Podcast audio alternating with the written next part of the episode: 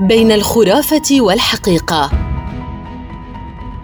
خرافات يخالها الناس حقيقة. خرافة حك اليد. ظاهرة إغريقية قديمة.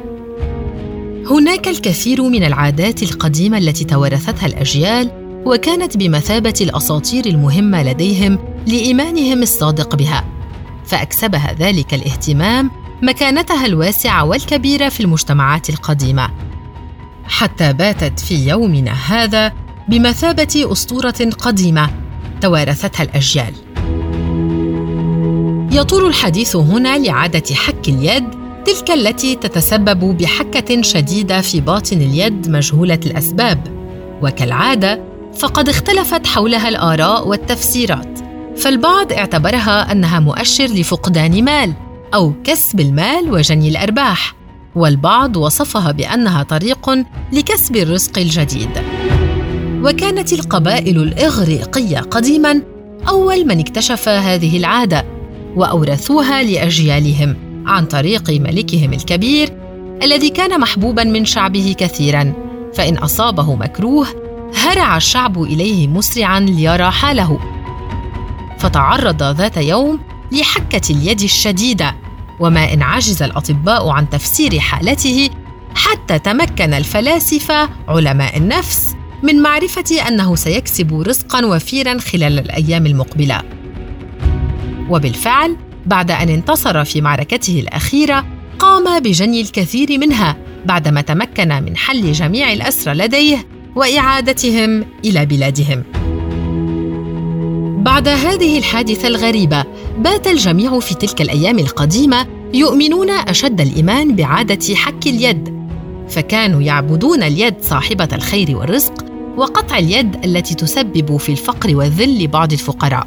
فتمكنت هذه العادة من أن تدون نفسها بكتب التاريخ والروايات القديمة حتى بات الحديث عنها حتى في قصص الأطفال فتروى لهم كل ليلة حادثة الملك الشهيرة. وقد ذكرت بعض الروايات القديمة بأن حك اليد مرتبط بجهتها أي إن أصابت الحكه اليد اليمنى فهذا رزقا وفير يصيب صاحبها وإن أصابت اليد اليسرى فهو رزق مغشوش سيضر صاحبه ويعود عليه بالمصائب. لهذا كان الفقراء أيام تلك القبائل يخافون من صاحب اليد اليسرى إن أصابته الحكه فيهرعون إلى الملك يشكونه. انتقلت هذه العادة من القبائل الإغريقية إلى القبائل الهندية التي كانت في المرتبة الثانية في تفسيراتها وتحليلاتها لظاهرة حك اليد. فاعتبرت أن هذه الظاهرة تعود بسبب مجيء صديق عزيز وكان قد ترك بلاده منذ فترة قديمة فعاد إلى صاحبه ليشكو حاله.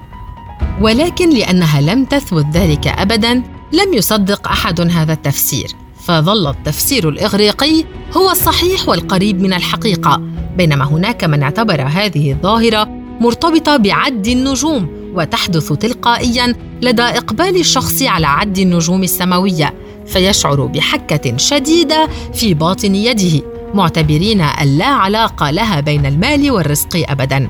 ولكن في واقعنا الحالي فإن هذه الظاهرة قد احتلت جزءا من حياتنا حيث أن بعض الأسر ما زالت تؤمن بها حتى الآن معتبرة أنها ذات علاقة وطيدة بينها وبين المال حيث أنها بالفعل تجلب الخير والمال لصاحبها. بينما هناك من يعتبرها أنها كذبة خيالية اخترعت فقط للترفيه عن النفس. ومن حكة اليد إلى الحذاء المقلوب. يتذمر كثيرون من الحذاء المقلوب ويطالبون من يشاهده بتعديله. معتقدين في خرافة توارثتها الأجيال دون أن تسأل عن صحتها وهي أن هذا الحذاء المقلوب يجلب النحس والشؤم والمشادات بين أفراد البيت ويمنع البركة دخول المنزل. يعتقد البعض أيضا بأن الحذاء المقلوب ثقافة سائدة في الكثير من الأسر حيث يعتقد كثير من الناس أن تعديل الحذاء المقلوب عمل يثابون عليه وربما تنالهم العقوبة إن لم يفعلوا.